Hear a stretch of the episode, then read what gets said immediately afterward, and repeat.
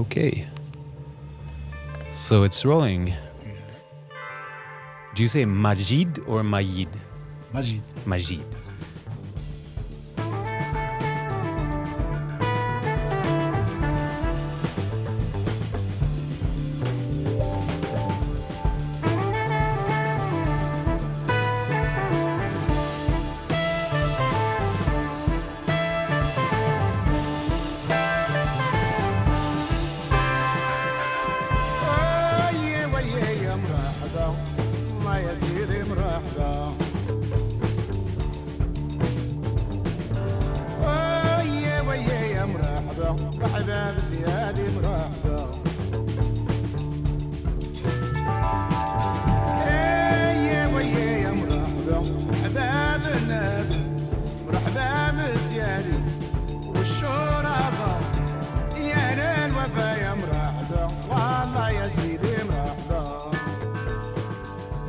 The voice and Gwembri playing of Majid Bekkas, one of the foremost uh, modern Gnawa musicians. He's also uh, one of Gnawa music's super spreaders to the West through his collaborations with uh, jazz legends such as Archie Shepp and uh, Pharaoh Sanders. And lately, he's been playing with this group called the Magic Spirit Quartet, alongside Swedish trumpeter Goran Kajfeš. The song, Merhaba, is from their first album together.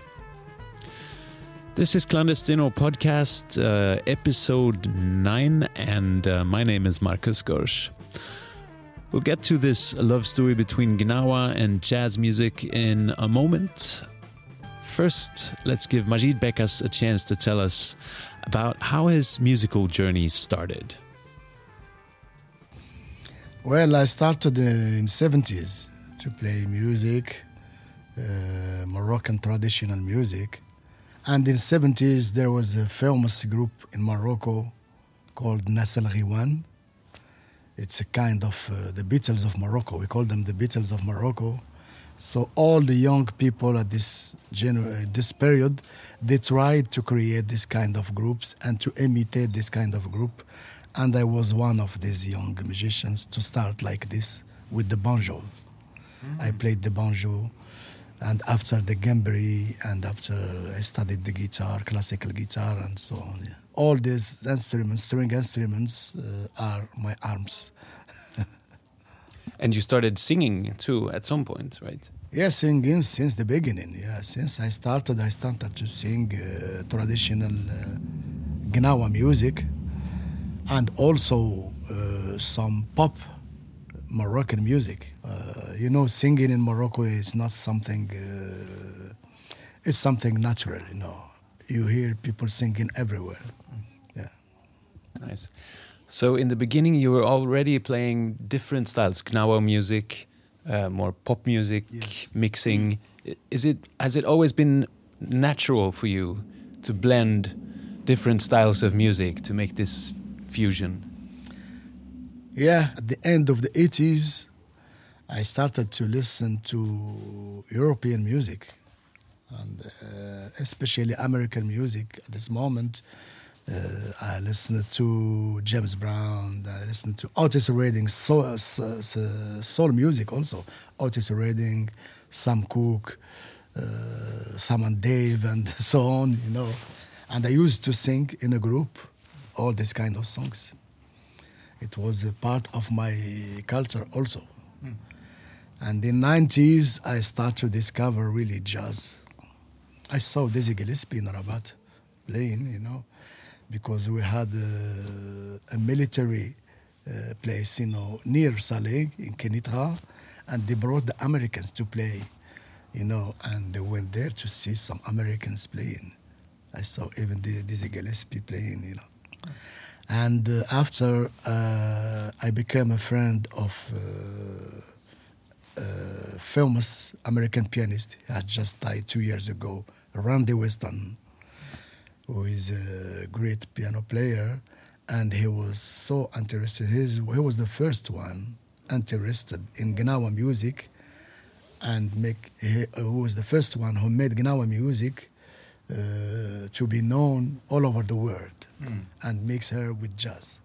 So that was the beginning of the the wedding of uh, Gnawa music and jazz music. Exactly. I want to know how you feel like. Do you think of Gnawa music and jazz music as two very different things, or is it actually kind of similar, but in different, um, Yeah. dressed in different ways? Yeah, they are different uh, because uh, jazz, you know, in jazz you have the harmony. Uh, you have to know the harmony. And Gnawa music, it's uh, roots music, uh, but they have something in common. Both of them, they have the, the roots came from Africa. So when, you, when I listen to not only jazz, the blues also before. When I listen to John Lee Hooker, I always uh, say to my friends, he's a Gnawa master. For me, I, I always saw John Lee Hooker as a Gnawa master. Uh, the African roots were, were there, you know, and came from there, you know. All the period of uh, Coltrane, the also when I listened to Coltrane, the period who who when he played uh, trance music, it was a kind of trance music. The late records by John Yeah, Coltrane. exactly. And I, I always uh, had the, the feeling that Gnawa music is the, the first music in Morocco that can meet jazz and uh, we can play with jazz musicians with no problem. Yeah, since the beginning, without rehearsing even. Because my first experience with jazz musicians, it was wi- with the saxophone, German saxophone player, Peter Brötzmann. And I, I remember I told him, should we rehearse? What should we play? He told me, no, just play and never stop. It was free jazz Free Gnawa. jazz, Exactly, free jazz Gnawa, yeah.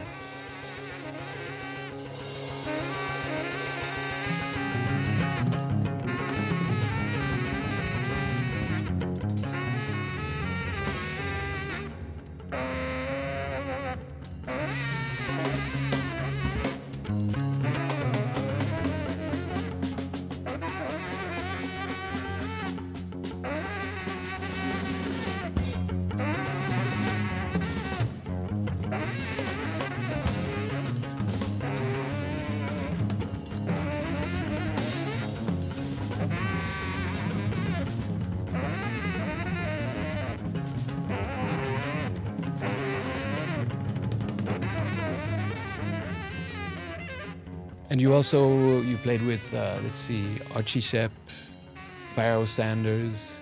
Can you tell me a little bit about those collaborations? How how were they different? How were they interesting? And how they happened?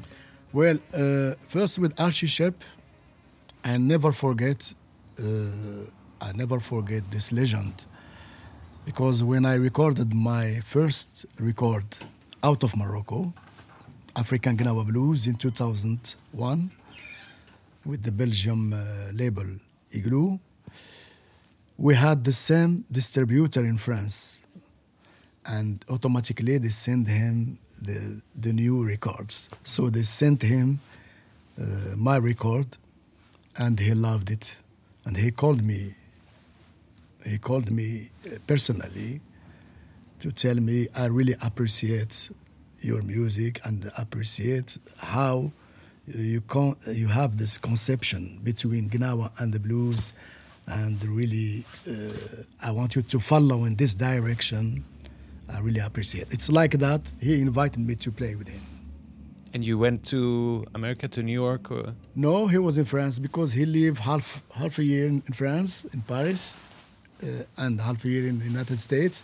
He invited me invited me in Paris to La Cigale and uh, La Boule Noire, and after he invited me to same in uh, Porquerolles, jazz at Porquerolles, in France. And after that, I had the trio with Joachim Kuhn and Ramon Lopez, the German pianist, Joachim Kuhn. We had this trio for 15 years. So we did four records. And for the five records, we were thinking to do something uh, with Archie And uh, there, is a, there was a tune of Coltrane in this record. It's called Kulu Mama. And Joachim, he told me, for Kulu Mama, I think we have to invite Archie or Pharaoh Sander. And we invited Archie He recorded with us this tune in the record, yeah. The record is called Voodoo Sense. It's about voodoo and gnawa and jazz. And with Pharaoh Sanders, the same.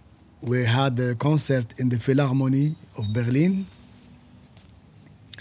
and Archie was not uh, uh, free. So the producer he said to Joachim Kuhn, if Archie is not there, it must be Pharaoh Sanders which is logic, you know, for the same the same uh, philosophy of music. So Joachim he called Pharaoh Sanders to explain to him, and he loved the idea.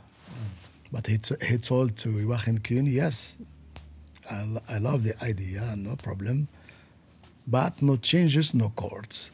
You know, just we play, you know, yeah with the, we play like uh, free jazz, you know, and it was really fantastic. Because both of those experiences are really one of the best experiences I did in my life. Yeah.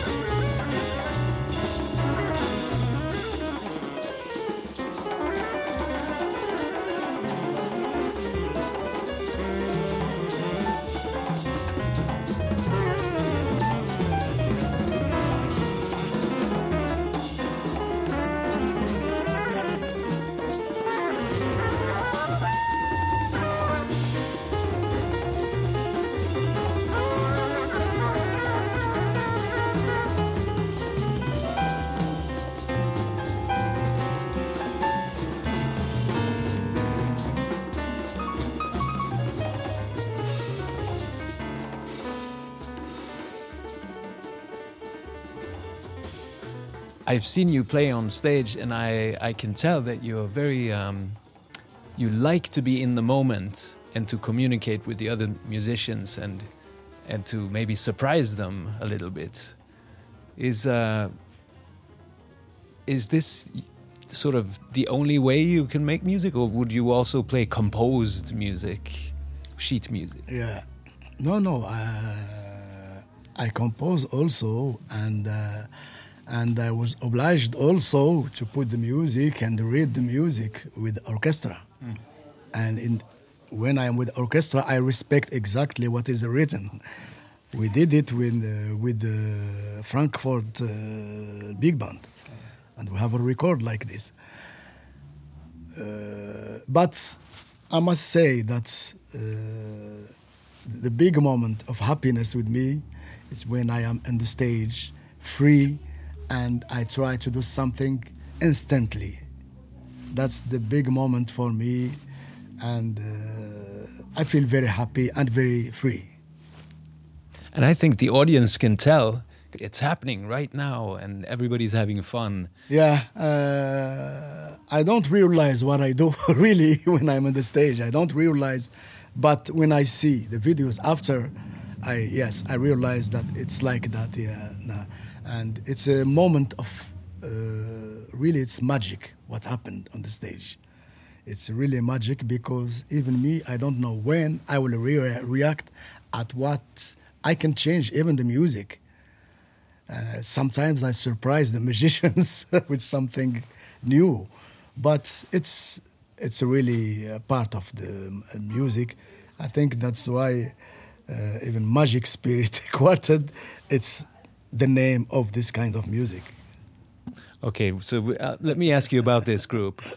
Uh, did it start out as a magic project or a music project?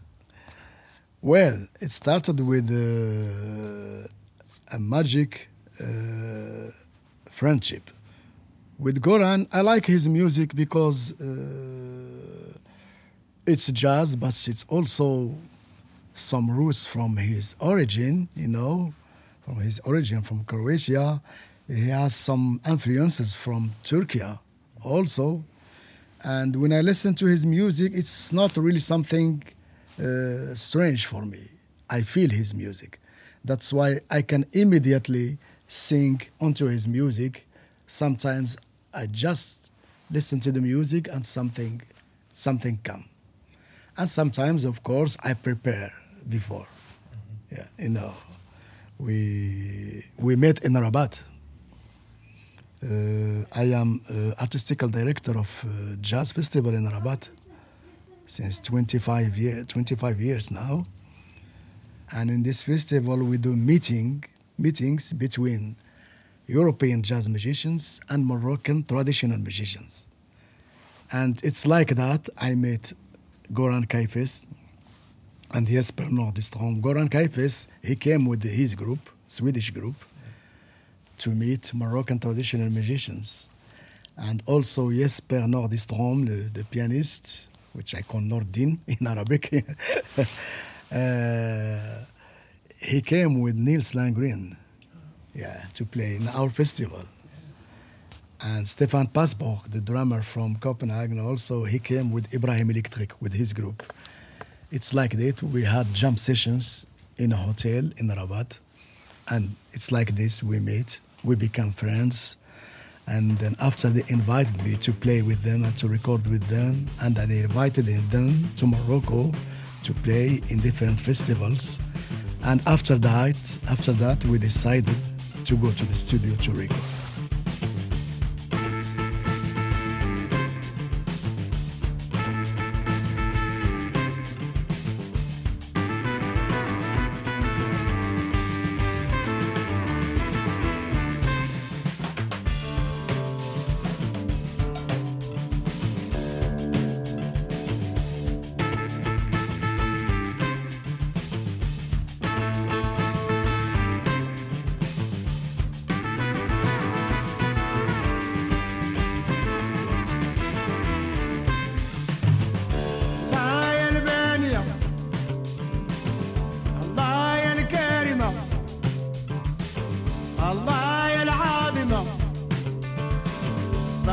وصل بنا. يا ربي تعفو عنا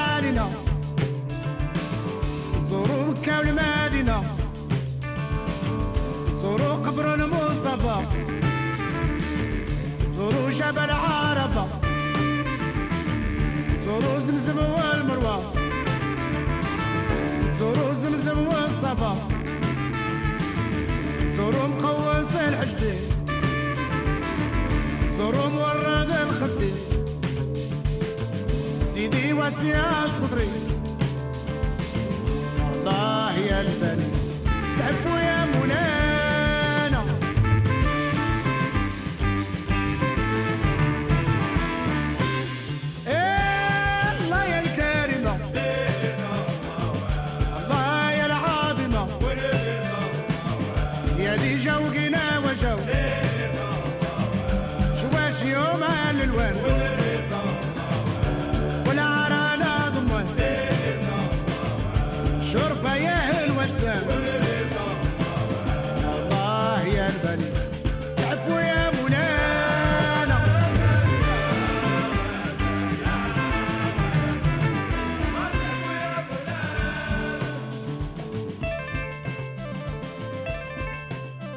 I want to go back just a little bit to uh, Gnawa music and how would you describe the uh, the culture of Gnawa music in Morocco now and compare it to you know in the 70s when you started as a Yeah. musician? Has it has the its role changed over time? Does it matter? Well, uh, in the beginning, not many Moroccans knew knew about Gnawa music, and uh, I still remember in the beginning it was not easy to say I am Gnawa, no, because that means I am slave. Because Gnawa it comes from slavery days, you know, it's the slave African slaves who came to North Africa in general. So it was really in a private community and it's the black people in Morocco who practice pra- practice this music. But now many things changed. Now with festivals, because there was no festival of, Gnawa. Now with the, the festival of Essaouira becomes uh, really uh, one of the best festivals in Morocco and very known in Europe. Now many things changed every Moroccan is even proud to say, I am Gnawa. That's the, that's the difference now. Yeah. And many, many young people, they learn the Gembri, they know now, and they, they want to practice this music. does it have a sort of a significance for Moroccan identity for for a, a, a sort of pride in your own culture Yeah, we're proud of this music, yeah. And even the Ministry of Culture, when he want to send uh, a troupe, a group from Morocco to represent Morocco, they are proud to send Gnawa musicians. And it's even now recognized even by the UNESCO. as a cultural heritage Yeah, yeah, yeah. And that's it's not easy, yeah. And there's also new young uh, musicians who play sort of Gnawa fusion, right? Yeah. I saw we had a band uh, a few weeks ago, Bab L' Bluz, Mm-hmm. from uh, France and Morocco, and they play sort of rock and roll Yeah, Gnawa music. Yeah, yeah, rock and roll. Yeah, I like this group really. I was surprised. I didn't know them, but the the singer when eh, Yusra when I spoke, she told me, "Yeah, I saw you playing in Rabat many times. We didn't speak. We never spoke." But I told her, really, I like uh, go on. I like this uh, this uh, this group, and uh, really, it's a big pleasure. Especially, it's a girl because now it's new in Morocco, a girl playing Gnawa music, because it was it was not allowed for men only. But now we have uh, some girls uh, practicing this music. Uh, in Morocco, it's, it's new now. I know now three girls uh, playing the gambri and singing, uh, and it's a, it's a very good thing. Thanks so much for being on the podcast. Yeah. yeah, thank you very much. Thank you.